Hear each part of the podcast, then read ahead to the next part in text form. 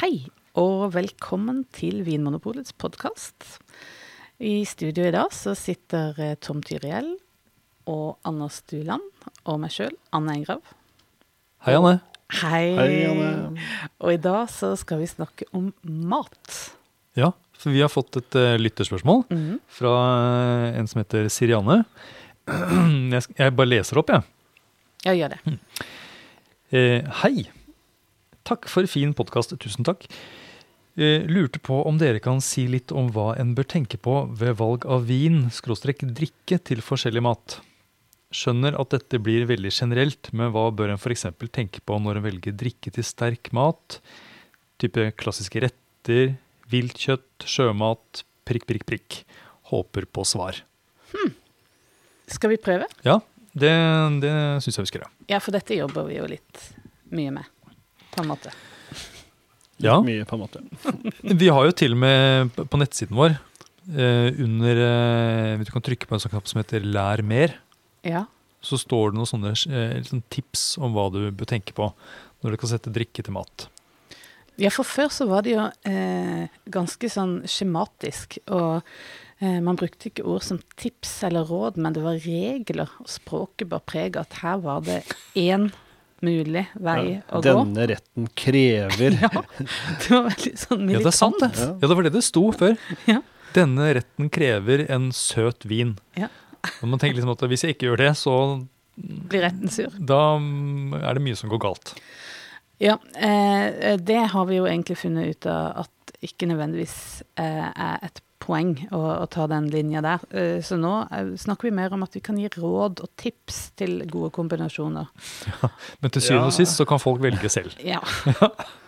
Og det er jo ikke bare for å være innsmigrende og populistiske heller, men vi har, vi har jo faktisk prøvd ut og tenkt stemmer dette her, liksom? Går det liksom bare an å drikke sautern til roquefort, og er det nødt til å ha rødvin til torsk og sånt? Så tenkte vi la oss prøve det ut. Vi har jo testet mye, og den testingen har vi gjort, det er ganske mye som egentlig funker ganske så bra, og til og med som er kjempebra. Og så Det finnes så mange sånne eh, regler som står i mange vinbøker, og sånt, og mange av disse bøkene ble kanskje skrevet for lenge siden. Eller de har bare arvet reglene fra enda eldre bøker, f.eks. Og jeg tenker, I gamle dager så var det jo eh, færre viner tilgjengelig. Det var, kanskje, det var kanskje Bordeaux, det var kanskje Bordeaux, portvin. Bordeaux portvin, ja, nettopp. eh, men nå er det så fryktelig mye, og mange forskjellige druetyper, og mye, mange forskjellige måter å lage vin på. og ja. Veldig mye god vin. Ja, og, eh, og mye mer forskjellig mat. Ja. Det også. Så vi har eh, på bakgrunn av alle de undersøkelsene vi har gjort, meisla ut fire hovedråd som er sånn ja, grunnpilarene. Fire veldig gode råd, Ja. vil jeg si. Og egentlig, hvis du skal uh, skjære bort absolutt alt, så trenger du ett som er viktig. altså veldig viktig. Det første budet vårt. For å gå litt bak. ja. Eh, og det er det at eh, eh, god drikke passer til god mat. ja. Og, hvem, og hvem tenker vi da sier at maten er god, eller drikken er god? Hva mener du? Nei, altså, Er det, er det den maten, maten som eh, Vinmonopolet mener er god, og den drikken som Vinmonopolet mener er god, eller er det den som Mm, ja, Jeg tenker at det er den som drikker vinen, som får lov til å mene at denne vinen er god. nettopp. Ja. Ja. for litt av poenget her, at hvis du har en vin du ikke liker, så er det veldig sjeldent, kanskje aldri, at du vil like den noe bedre sammen med maten. Så ta en vin du syns er god. Det er Nettopp. liksom første Ja. bud. Så hvis, hvis du ikke eh, liker rødvin, f.eks., Mhm. Så vil ikke rødvin plutselig, smake deg veldig godt eh, hvis du har den til en vilt middag. Nettopp. Du kan kanskje da heller peile deg inn på en hvitvin, hvis du liker hvitvin veldig godt. Ja, det er, et, det er et godt råd. Men det er også eh, noe mer vi legger i det med, med god vin, Tom, ikke sant? Eh, jo, vi tenker jo også på at eh, em, god Det at vin er passer bra til mat, er det at den har god fruktighet og god friskhet. Det er vel kanskje to av de fremste egenskapene. Og eh, mange flere vinere har det i dag, pga. at man er blitt mye flinkere til å lage vin over hele verden. Og, det, og de som ikke har det, for det også skjer jo, de som kanskje kan være litt eh, At de ikke er så saftige, på en måte, er litt eh, ubalanserte, litt mye smak i en eller annen retning, at de vil kanskje litt avsløre seg, eller komme litt uheldig ut. Men eh, veldig mange som har nettopp den friskheten og fruktigheten, de klarer seg bra til mye forskjellig. Mm. Og så har vi jo opplevd det at hvis en vin har et snev av det som vi kaller en, en feil, da, eh, hint av noe, sånn, noe sånn eh, eddik eller noe sånn jordlig kanskje, eller noe sånn eh, ja, noe som virker litt ureint i vinen, så, eller at frukten er litt sånn svak på en måte, litt, ja, så i møte med mat så blir gjerne disse tingene litt tydeligere. Ja, at maten avslører vinen litt, kanskje. Ja, den kler av litt av frukten, sånn at den, det som er eh, som ikke er der frukt, vil kanskje da bli litt tydeligere. Ja, så i dette eh, god vin til god mat, så ligger det også et, et kvalitetsaspekt. Men eh, også dette med at hvis du liker maten og vinen hver for seg, så er det god sjanse for at du syns det er godt å ha det sammen også. Ja. Betyr det da, dere, at hvis en person bare digger Amarone, Mm. denne svære, kraftige rødvinen fra Italia, Ja. er det da riktig for den personen å drikke Amarone til reker, f.eks.? Da tror jeg vi er over på råd nummer to. Ja. Ah, Elegant! ja. Tok det oss videre. Jeg tenkte jeg skulle sette dere litt fast. nå. Okay. Maten skal ikke overdøve vinen, eller omvendt. Ja. Ja, Vi anbefaler den ikke, er det ikke sånn? Nei, nei, vi anbefaler det ikke. Men Ja. først og fremst kanskje fordi at hvis du drikker Amarone til reker, Ja. så vil du sannsynligvis bare smake Amarone. Og det er jo litt uh, urettferdig for rekene, for å si det sånn. For du vil vel gjerne smake maten du spiser også, at det er liksom en del av poenget. Ja. Så, men hvis man tar bitte, bitte, bitte små slurker da, Amarone Ja, ja, men det, jeg tenker det kan jo være Helt klart det kan være godt for noen, men, da, men når vi skal hjelpe folk å gi noen råd, så kan vi si at kanskje sånn De fleste vil synes det blir litt vel mye. Så for vårt faglige råd er at finn heller en lett hvitvin, for da smaker du både mat og drikke. Men det er ikke så at eh, nødvendigvis Eller vi vil jo ikke at Amaronen skal bli ødelagt av maten, og det skjer vel nok ikke her. Det er mye, mye umami i reker, men det vil ikke ta livet av den Amaronen allikevel. Men eh, du vil ikke smake så mye av rekene. Nei. Så f.eks. av sjømat, da, som Sirianne lurer på, så tenker vi at eh, ikke altfor kraftig eh, og smaksrik eh, vin. Ja. Noe som er, og da er, er også en, eh, en erfaring vi har gjort oss, er det at eh, hvitvin er ofte lettere å sette til mat enn rødvin. Sånn rent generelt. Og det handler litt om det at eh, det er lettere å kjenne smaken av maten gjennom hvitvin enn det er å kjenne den gjennom rødvin. Så spesielt sånne litt sånn sarte smaker som sjømat kan være, så er det mye enklere å få det til å være godt sammen med hvitvin. Ja, nettopp. Så eh, det du sier at hvitvin er en vintype som ikke overdøver maten så lett som det mange rødviner gjør. Ja, Rett og slett. Men er det, det er jo sånn at noen ganger så kan vel maten også overdøve vinen? Absolutt. Ja. Det er liksom det snur den andre veien. Ja, og nå kommer jeg ikke på noen eksempler sånn eh, i en full fart, eh, men noe veldig smaksrik mat kan jo f.eks. være eh, Ja, hvis du tar en sånn sterk krydret mat, da, det, det Mm. har jo flere komponenter i seg, men så den, det, det er en veldig, en veldig sterk smak, Uh, mye smak, og da smaker du nesten ingenting av vinen lenger. Nei. og da må, vi rett og slett bare ha en vin som har litt mer intensitet. Mer intensitet, mer konsentrasjon, mer smak. Mm. Eh, eller også produkter som er litt mer robuste, som vi har vært inne på. Sånn at, at eh, øl er jo veldig anvendelig sånn sett. Hun spør om andre Ja. ting enn vin også. Men det, Ja. er sånn- noen Det virker som øl tåler mer av sånne type ting. Og også noen vintyper, sånn som tørr sherry eller oransjevin og sånt noe. Eller florvin. Ting som har vært litt sånn bearbeidet og fått en mer sånn robusthet. De kan Mhm. tåle det. Helt enig. Ja, det er sant. Eh, og også eh, det du sier om eh, eh, sterk mat, så har du også sånn chili-sterk mat. Det har vi vært innom i en annen episode også. Eh, men det er også et sånn Kan være utfordrende for, eh, for vinvalget. Fordi det rett og slett tar og demper fruktigheten i vinen såpass mye Mm. at du, du trenger en fruktigere vin. Og det gjelder litt egentlig med eh, og mat generelt, som Sirene spurte om. Ja, frukt er bra, stort sett. Ja, Ja, så da har Har vi, vi, da har vi to uh, vi har to, eh, to sånne grunnpilarer. mm, At de skal ikke overvurdere hverandre. Du skal ha en vin du liker, og mat du liker. Eh, og så er det dette med tilberedning. Ja, hvordan maten er laget. Ja, for det vil endre eh, retten. Mm. Om den er sprengt, Og for eksempel. Hva vil det si? Sprengt torsk. Sprengt torsk. Det er salt, det. Ja. Ja, det er, klart. Til eh, sprengt mat så velger man da eh, sp sprengt, sprengt vin. Jeg vet ikke hva, hva Nei, men hvis du tar eh, lammekjøtt, da, så tar bare det å ha hatt rosa stekt filet f.eks., mot det å spise fårikål, hvor det skikkelig er innkokt og kokt lenge, Mm. da, da får du to helt forskjellige retter på samme råvare. ja, og en, Eller en oksetartar Ja, eh, mot ja. et en oksestykke fra en, en grill som altså, blir sånn røyk, røykpreget og Ja. nesten brent. Ja, akkurat det med stekeskorpe, nesten uansett om det er fisk eller kjøtt, så er det noen likheter med en gang du steker, eh, steker i panne. Ja. Eh, også grønnsaker, for den saks skyld.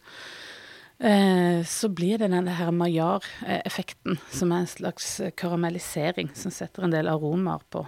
Som kan være eh, tydelige i smaksbildet, og som kan være fine å sette eh, drikke til, som kanskje kan eh, smake godt sammen med den maillard-smaken. da. Ja, Hva tenker dere på da? Hva, er det som, hva slags egenskaper i vin eh, ser vi etter da, når det er litt sånn stekeskorpe? Jeg tenker fort på litt sånn fatlagra hvitvin. Eh, spesielt til stekt fisk, så er det en sånn eh, veldig god kombinasjon, syns jeg. Fordi det ligner litt på hverandre i aromaene. Men det Ja. Ja, er enig. Det, og det er her er noe som jeg tenker aromalikhet, eller hva som hører hjemme i det aromauniverset. Når du tenker deg de smakene som ligger i f.eks. maillard, den stekeskorpa, hva vil du ha der? Vil du ha Passer det med ananas, på en måte? Hvis du syns det, så ja, da kan du godt velge vin som har mye av det preget. Men vil liksom eh, understreke og forsterke det maillard-tingene, så bør du kanskje ha noe som har ligget litt og blitt et modent, fått noe mer sånn, noe sånn stekt bakt over seg, sånn autolyse, fatpreg, eh, lagring. ja. Mm. Rett og slett vin som har noe av de liksom samme aromaene i seg. Dette er eh, nesten sånn nøtt, karamell, vanilje, krydder. Mm. Ja, og det samme snakker vi litt om eh, på spekermat, som har liksom mat som har hatt litt lagring. Eh, passer jo ofte godt med vin som har fått litt lagring. Eller, Mm. eller florpreg, som du Mm. var inne på. Og sånn, eh, er blitt bearbeida over tid, på samme måte som maten. Men jeg tenker også det er litt personlighetsavhengig, eller sånn øh, hvem man er sånn type, at uh, noen vil liksom ha mer av det man allerede har, mens noen tenker nei, jeg vil gjerne balansere det med noe lettere og friskere og syrligere. Ja. At hvis du har uh, wienerschnitzelen, så vil det kanskje ikke nødvendigvis ha enda mer av disse schnitzeltingene, men ha heller den der sitronbiten som er der, og få på litt mer av den. Så velger du heller en lett og frisk sitronpreget hvitvin. Kan Mm. gå like bra, tenker jeg, hvis du ønsker mer enn den balansen der, enn, enn å forsterke disse maillard-tingene. Ja, det er et godt Ah. poeng. Også mange sånn, litt sånn fine retter er jo gjerne sammensatt av veldig mange forskjellige ting, sånn at retten er i en balanse, på en måte. Men sånn som denne schnitzel-eksempelet, da, Ja. er jo en matrett som har mye av dette her eh, stekt og litt sånn fett, fettet over seg, som, som trenger den der sitronskvisen, som du sier. Og da, jeg syns det er et kjempegodt poeng at eh, de gangene så kan man liksom tenke at hva er det, hva er det jeg trenger her som balanserer retten?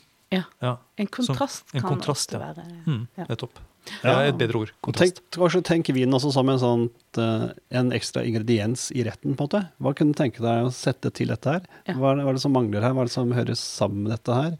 Sånn som hvis du, eh, til julematen, for å ta noe som er helt ute av sesong, men likevel, man kan spise ribbe hele året. Eh, hvis du da ønsker sviskende, så kanskje velge en eller annen ripasso som går i den retningen. Vil du si at jeg heller gjerne vil ha noen bakte epler eller sånt noe, så gå for eplemost eller en Riesling eller noe som har disse epletingene i seg. mm, Godt poeng. Men altså sånn med, eh, med tilberedning, da. Altså mm, Hvis det bare er et sånt lite stykke med stekt kjøtt, men så er det mye sånne friske grønnsaker og alt det andre. At det egentlig er en viktigere del av retten. Hva Jeg er så glad for at du sier det, for det tar oss rett over på råd nummer fire. Oh. Så elegant. Har du juksa, Anders? Nei, vet du, dette er faktisk spørsmålet spørsmål jeg har sugd av mitt eget bryst. Ditt eget mannebryst. Eh, nei, råd nummer fire, det er uh, rett og slett tilbehør. Ta hensyn til tilbehøret.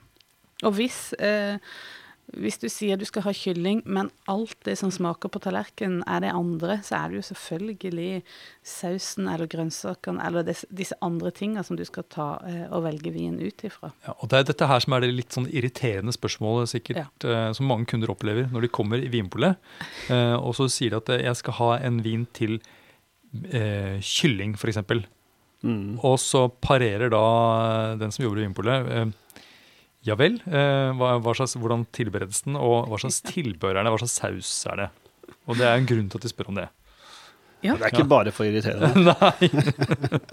Men, men heldigvis også så, så vet man det, sånn som man kommer til spørsmålet, så er jo de såpass eh, eh, Vi har jo lært eh, disse tingene, så vi klarer å, liksom, å tolke det spørsmålet. Så sier man at man skal ha noe til sushi, så kan man også godt tenke at ja, det blir litt feil, men ehm, du kan enten velge det til fisken eller til soyasausen, for å si det sånn. Ja, Ja. det er Sant? Og sant, noen syns det er rart at uh, man kan velge porter eller stout, altså mørkt øl til. Men det er et eksempel på det at det tilbehøret av soyasausen, hvis du bruker mye av det, så setter det mye preg på retten, og da funker det faktisk bra med et mørkt øl også. Um, men det, det jeg ville si, var jo at uh, vi, vi stiller spørsmålene for å hjelpe best mulig. ja, det er ikke Men, for å være men, vanskelig. men ofte så vil vi jo kunne bare tenke ja, den retten har det, der, der vil det prege den mye. Da kan vi kanskje gå for det, men avklare videre, selvfølgelig. Ja, og hva slags, eh, altså, Hvor rart eller spesielt kan tilbehør være? da? Eller hva er det som er, eh, Fins det noen ulike tilbehørsklasser, grupper, eller eh, Ja, vi, vi har jo dette her eksempelet med ostefatet. At hvis du har en, eh, en ost, og så serverer den med en eh, grønn paprika til, eh, så vil det på en måte eh, kunne være godt til en eh, Si en Sauvignon Blanc, kanskje. Men hvis du har på honning og nøtter, så vil det eh, endre vinen såpass mye at den vil virke veldig sur og skrinn. Og da ville det ha vært bedre med en vin med litt mer sødme, f.eks. ja, mer moden frukt, mer sødme og nesten, nesten mer sånn dessertvin-type, Ja. kanskje? Mm. Fordi da endrer eh, hele smaken seg såpass mye. Ja. Men også en, eh, en klassiker, eh, biff og bearnés. Der har vi jo testet flere ganger, og det var vel sagt også på en tidligere podkast at uh, bearnés smaker jo veldig mye, og kanskje mest i den retten ofte. Og det er et eh, tilbehør som da man bør ta hensyn til, hvis man er veldig opptatt av å kombinere det riktig der. Så prøv gjerne hvitvin til den biffen også. Ja, fordi altså, tilbøret da til denne, f.eks. en biff med bearnés. Da er det bearnésen som da er i bunn og grunn da en hollandes med estragoni. Altså en hollandes er jo en noen fiskesaus vanligvis. Mm. Eh, og så er det da eh, poteter og noen grønnsaker. Mm. Som også like gjerne kunne vært til en, en fisk. Så det, dette tilbøret til denne biffen eh, funker jo bra til hvitvin. Og sausen er jo veldig feit. Mm. Og der vet vi at eh, en frisk eh, vin, som hvitvin ofte er, det, det fungerer bra.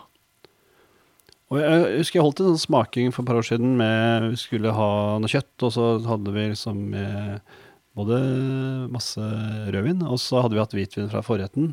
Og så var det en dame som spurte meg du, du jeg liker ikke, ikke, ikke rødvin, jeg. Kan jeg, kan, jeg, kan jeg drikke hvitvin? Jeg har liksom hvitvin i glasset fra forretten. Og det kunne da si liksom selvfølgelig både, sånn både ut fra at uh, du må kunne velge hva du vil, men at uh, det, det er kanskje det beste, sånn rent gastronomisk sett. at eh, det, det har vi testet, det kan begrunnes. Så det er det å åpne for de tingene også. sånn at Drikk gjerne røven til, men eh, hvitvin går virkelig bra. Det også, at man skal stole på den egen smak. Mm. Helt enig. Ja, det er sant. Det er viktig. Ja, da har vi vært gjennom eh, de fri, fire gode rådene våre. Ja. God drikke eh, til god mat. Ikke overdøve. Tenk på tilberedning og tilbehør. Ja. Er det noe mer da, Anne? Nei, altså det er jo bare sånn, som sånne små huskeregler som i hvert fall jeg bruker når jeg tenker på å sette drikke til mat. Det er det at det er noen, det er noen smaker som kan endre vinen litt i forskjellige retninger. Det kan bli litt teknisk, men det kan være også litt nyttig å ha i bakhodet. Eh, og dette er også noe som vi har erfart gjennom mange smakinger. Mange slitsomme smakinger. Eksempel eh, dette med salt. Mm.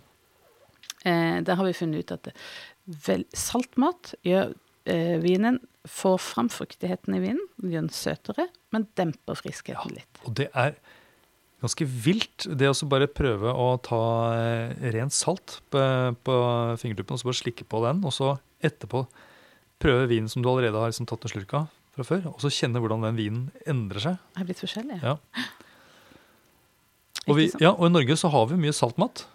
Eh, spekemat og spekesild og, og sprengt torsk. Og sprengt torsk, ikke minst. og så har vi et lite forbehold der òg, ikke sant. Og med, hvis maten blir veldig salt, sånn type fenalår, Mm. at da kan det faktisk virke motsatt.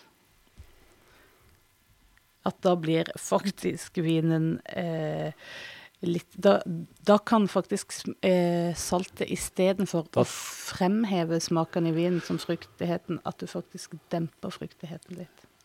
Ja, ja, kanskje det også. Jeg, jeg tenker også det godt Der går en grense med hvor mye er mye. Det, da kan den godt ta alt sammen i vinen òg, tenker jeg. Den tar fruktigheten og friskheten og det meste, kanskje. Ja, det er Så, akkurat det. ja. At da tar den eh, hvis det, blir, hvis det går over en grense der det blir Ja. ekstremt Sinnssykt salt. Ja. Og da smaker man nesten ingenting av vinen, så da tar det heller nesten drukket uh, vann i stedet. Det høres ut som du trenger et glass vann da, ja. Det er sant. Så ikke salt maten for Ja, mye. Det er, Men altså når vinen snakker om salt mat, så er det vin, så er det mat som er tydelig salt. ja. Mm. Hvis sånn saltmat, parmaskinke, Ja. spekemat Mm. Sprengt torsk, jeg husker ikke flere. men, men vi har jo noe tilsvarende på syre også. Ja. Der har vi liksom eh, Mange skrev tidligere at syre pluss syre blir eh, uhyre, eller i hvert fall blir veldig mye. Mm. Eh, at de forsterker hverandre. Eh, men det har vi testa mange ganger, og det gjør det ikke, i hvert fall på sånne moderate nivåer. Der tar det heller å balansere hverandre litt ut og få frem sødmen og fruktigheten i vinen. Men får du veldig mye syre i vinen og maten, så blir det forsterkes det. Mm. Nettopp. Så Ja. Ja, det er bra. Så Salt, syre. syre, og så er det sødme. Ja, og det, når du sier sødme, så, så er det sikkert mange som tenker på dessert Mm. som en sånn typisk noe søtt, søtt i mat. Men det er jo overraskende mye eh, mat som inneholder sødme. Altså Hvis det er eh, poteter eller rotfrukter, altså gulrøtter f.eks., som er kokt, så blir det jo ganske så søtt. ja, tilbake til punkt fire med tilberedning. Sånn, har du mye kokte grønnsaker, er mye søtere enn rå grønnsaker. Mm. Um, Ja, og da, eh, da har vi opplevd det at eh, igjen så handler det litt om fruktighet. At eh, hvis maten er har en del sødme, så er det greit med litt godt med frukt i vinen. Ja, For det sødmen demper fruktigheten litt. Også hvis maten er ordentlig søt, så bør man kanskje vurdere at det er, skal være litt sukker i vinen også, eller? Ja, hvis det blir såpass søtt. Men det er også noe med eh, friskheten eller syrligheten i vinen. Den blir liksom tydeligere sammen med sødme. Så kanskje eh, de friskeste vinene til skal vente litt, hvis du har en veldig liksom sånn kokt eller eh, eh, liksom sødmerik, sødmefull eh, rett. Så en sånn slank og syrlig Riesling, At det vil bli veldig, veldig syrlig. det da virker veldig sånn stram og streng. Ja. Men det finnes da heldigvis også noen rislinger som ikke er så søte som dessertvinene, men som ligger i et sånt mellomsjikt med sødme. Og der er det også mange gode viner som egner seg godt til den, den type retter, som vil ta livet av en del andre viner fordi, som er tørre. Ja, sant det. Um, En del sånne glemte så ikke glem det heller, det, det er liksom blitt litt ut med disse litt De har jo en, eh, en litt sånn luguber forhistorie, disse halvsøte vinene. Man skal ikke glemme at det finnes veldig mange av veldig gode viner fortsatt også. Ja, det er sant. Um, og så har vi um, umami. Kan, jeg- klarer dere å forklare umami? Umami-rik mat. Tom er veldig god på umami, Ja, det. faktisk. Du er det, Tom. Ja. Jeg er veldig god på umami. Ja, det det. var nytt for meg, men takk. Men det er et litt vanskelig begrep å forklare, syns jeg ofte. Det er jo et japansk begrep, i hvert fall, som Ja. går et eller annet på sånn velsmakenhet og saftighet og kjøttfullhet. på en måte, Så er det en egenskap man finner i diverse råvarer som er modne, eller også, ofte modne sånn som en moden tomat, men også modnet sånn som modent skinke, moden ost. Og det var jo en japaner også selvfølgelig som klarte å syntetisere, altså skape dette kunstig i 1908, tror jeg. Ikeda et eller annet. Øh, øh, og dette er da blitt MSG, monosodiumglutamat, som er blitt den smaksforsterkeren, som da finnes i mange eh, matvarer. Så da er det en type ja. salt, men det er noe sånn kjøttfullt, kjøttkraftaktig, som gir, som gir mye av den der saftige, gode smaken som vi liker i, i en god skinke eller en eh, god moden tomat. En Ja, sånn for det- rikhet. Ja. Ja, for det er jo ikke en aroma, og det er jo ikke salt, og det er jo ikke sødme, men det er en, det er en annen grunnsmak. Ja, Du kan ikke lukte det. Nei. Det er kun med munnen Mm. du kan kjenne. Ja, ja. Og den har jo eh, en viktig grunnsmak å ta hensyn til også. Den, Mm. Vi sier at den tar ofte frukten eller konsentrasjonen i vinen. Men hvis du har en vin som er sånn middels konsentrert, altså ikke så smaksintens, så den umamien med den der futten og kraften og sin, Mm. så vil den bare wow, blåse vekk den vinen. Så sitter den bare med strukturen eller syren i den. Da. Så da er det viktig å ha vin som har god konsentrasjon også. Mm. Som er da gjerne vin som er laget uh, på Ja, var det vin med god konsentrasjon? Eh, Nei, det er jo øh, godt modne druer og øh, ofte Lav avkastning. lav og sånt, ja. ja. Man må gjerne stelle litt Ja. mer med plantene, så det blir jo Det koster ofte koster litt mer. litt mer. gjerne. Ja. Mm. Men jeg har dere eksempel på eh, matretter som er spesielt umami-rike? Ja, soppretter har jo ofte en del umami. Mm. Sånn der, Parmesan, Ja, parmesan. larveskinke Tomatsauser. Sånne gode tomatsauser. Ja, det er faktisk sant. Det er litt uh, overraskende, men uh, mm -hmm. ja. To, sånn innkokt tomatsaus med da godt med parmesan over, det er, der er det Det er en umami-bombe. mye umami. Så de har litt en Mhm. fruktig vin med bra konsentrasjon. Og en del sånne asiatiske eller sånn japanske, litt sånn minimalistiske retter, sånne buljonger og sånn, der er Mm. det mye Dashi. Ja, dashi. Dashi er det. Ja, jeg er så dårlig i japansk. Frisk ord. Beklager den. Ja, er det noen andre Jo, så har vi også da um, feitmat. Ja, og det har vi også en del av i Norge. Eller har hatt. Ja, Ja. Det er liksom fett og salt. Det er Mm. liksom det norske kjøkkenet. Det har vi vært gode på. ja, Det er en spesialitet.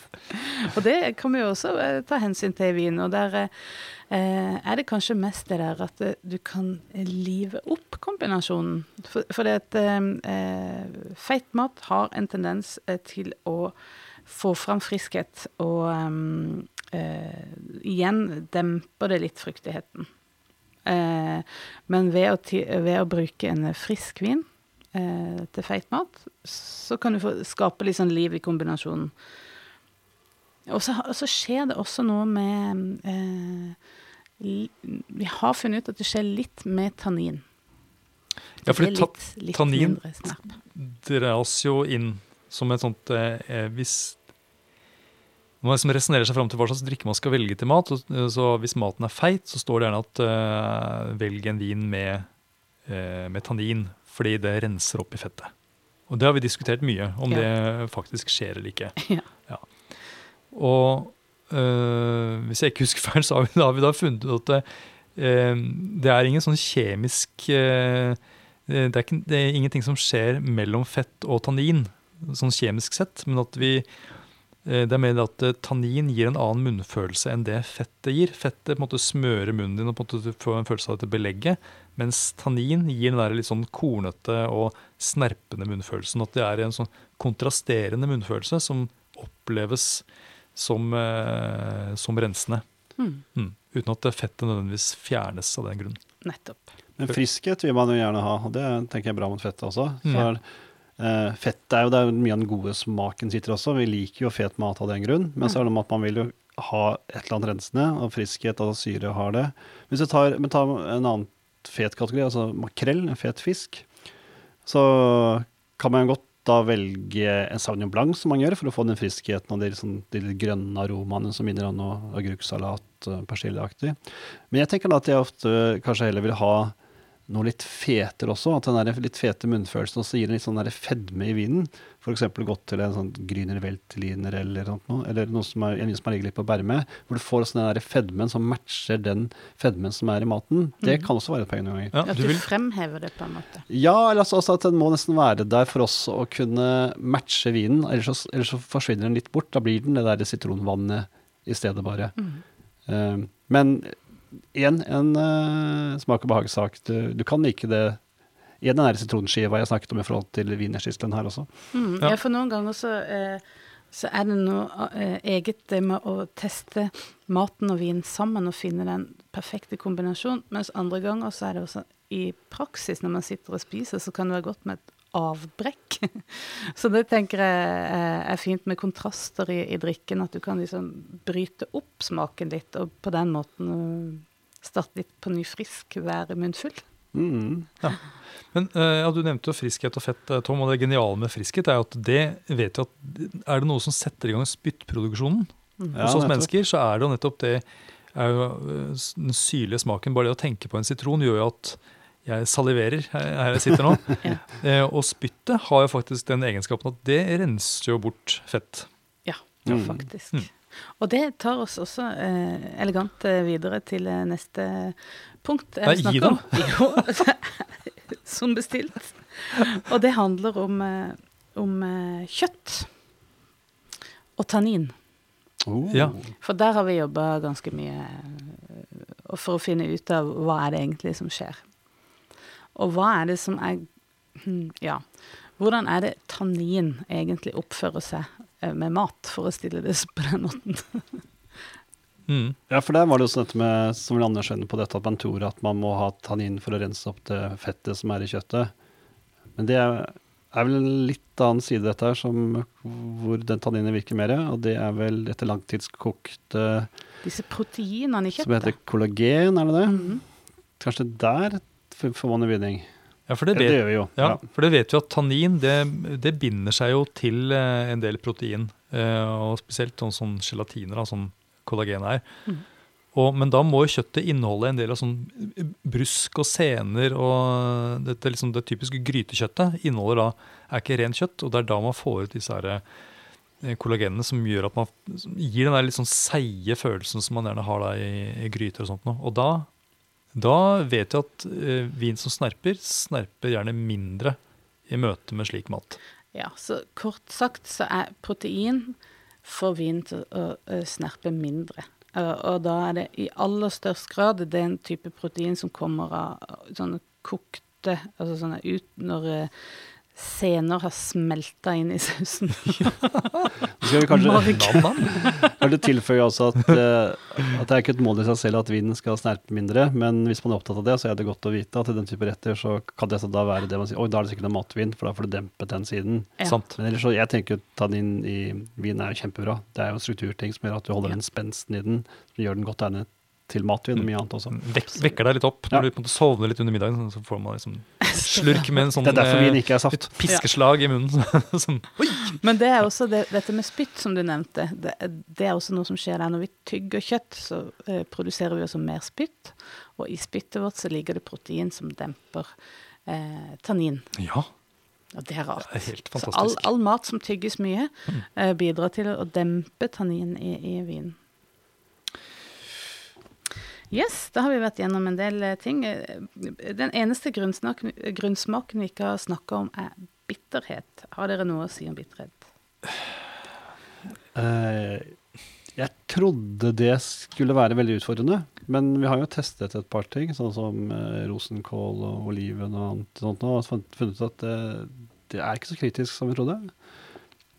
Nei. Nei. Det er mer det at noen type drikke kan være markant bittert. Eh, ikke vin selvfølgelig, men, men øl. Spesielt sånn IPA-øl, som sikkert mange kjenner til. Tydelig bitterhet. Mm. Og der har vi funnet at eh, det er veldig sjelden at eh, maten gjør ølet mindre bittert. Så det er litt sånn at det er tilbake til en regel, altså ikke regel, men råd nummer én. Liker, du, liker du bittert øl, så, så passer det jo bra med det til maten. Men ikke velge et bittert øl i håp om at bitterheten blir mindre. Nei. Nei. Nettopp. Ja, så bitterhet er ikke noe vi egentlig tar så Og mye der har vi også hensyn kanskje en litt pussig god kombinasjon. Dette Ja. med dette bitre ølet IPA til gulrotkake. Hvem skulle trodd det? det? Det er verdt å prøve. Det trodde ikke jeg, men det, Det det tror jeg ikke på nå. Og det har jeg prøvd så mange ganger bare for å være sikker på at jeg ikke tok feil, og det er faktisk veldig, veldig godt. Og man kan på en måte ikke forklare det. Har jo jobbet så mye med en drikketomat. Mm, jeg vet ikke helt hva som skjer her, men det er veldig bra i hvert fall. Ja. Ja, Det er noe med det derre Dette er bare en teori, altså, men um, det er jo mye nellik gjerne i. Det er mye sånn krydder i, eh, i gulrotkake. Mm. Og nellik inneholder et stoff som heter eugenol. Ja vel. som er eh, lokalbedøvende. Det, for, det, for dem som har hatt småbarn, som, som tennene har kommet ut, så har man gjerne fått sånt, sånn brun væske som man kan smøre på gommene, som gjør, gjør at det liksom gjør mindre vondt. Da. Og det er eugenol, Akkurat. samme stoffet. Så jeg, jeg lurer på om har demper eugenolen eh, som sanseapparatets eh, evne til å fange opp bitterhet? Det er jo mulig. Jeg har alltid tenkt på det som en slags te. At ølet er som en te, og at det er godt sammen med Ja, gulrotkake. Ja, og det er Kanskje det forsterker noe, ja. Men det kan være to sider av samme sak. Mm, ja, men det er sant, det. Ja, for det høres ut som du snakker om noe som får tranen til å smake mindre vondt. Mer, sånn at, som medisinsk, nesten. Ja, men noen ganger så er det jo nesten det. At det er eh, noe kjemisk, eller det er noe som påvirker oss rent eh, fysiologisk. Og som gjør at vi eh, sanser ting annerledes. Mm. Ja, det er klart. Men uh, dette her er kun en teori, altså. Ja. Dere må uansett uh, teste det. Ja. Um, ja. ja, men da tror jeg kanskje vi er kommet til uh, veis ende. Hva, hva tror dere? Jo, dette var da vel, velmente rånt, ikke, ikke regler. Ja, Vel bekomme. Mm. Gjør som du vil. Og så, eh, igjen så tenker jeg at det, vil du virkelig undersøke dette her med hva som passer eller passer mindre bra til maten, eller hva du syns er godt til maten, så kan det være gøy da å prøve flere forskjellige ting. Når du først har den matretten på bordet, så er du sammen med folk som er liksom litt nysgjerrige på dette her. Eh, kan man ha litt forskjellige flasker, da? Ja, ja. og Er du fortsatt usikker, så spør oss, sånn at vi er der for å hjelpe. Og det er bare gøy. Ja. Så la det bli eh, siste råd. Tusen takk for oss. Ha det bra. Takk for at du hører på Vinmonopolets podkast. Har du forslag til et tema i podkasten? Send mail til podkast at vinmonopolet.no. I tillegg svarer kundesenteret deg på e-post, chat og telefon.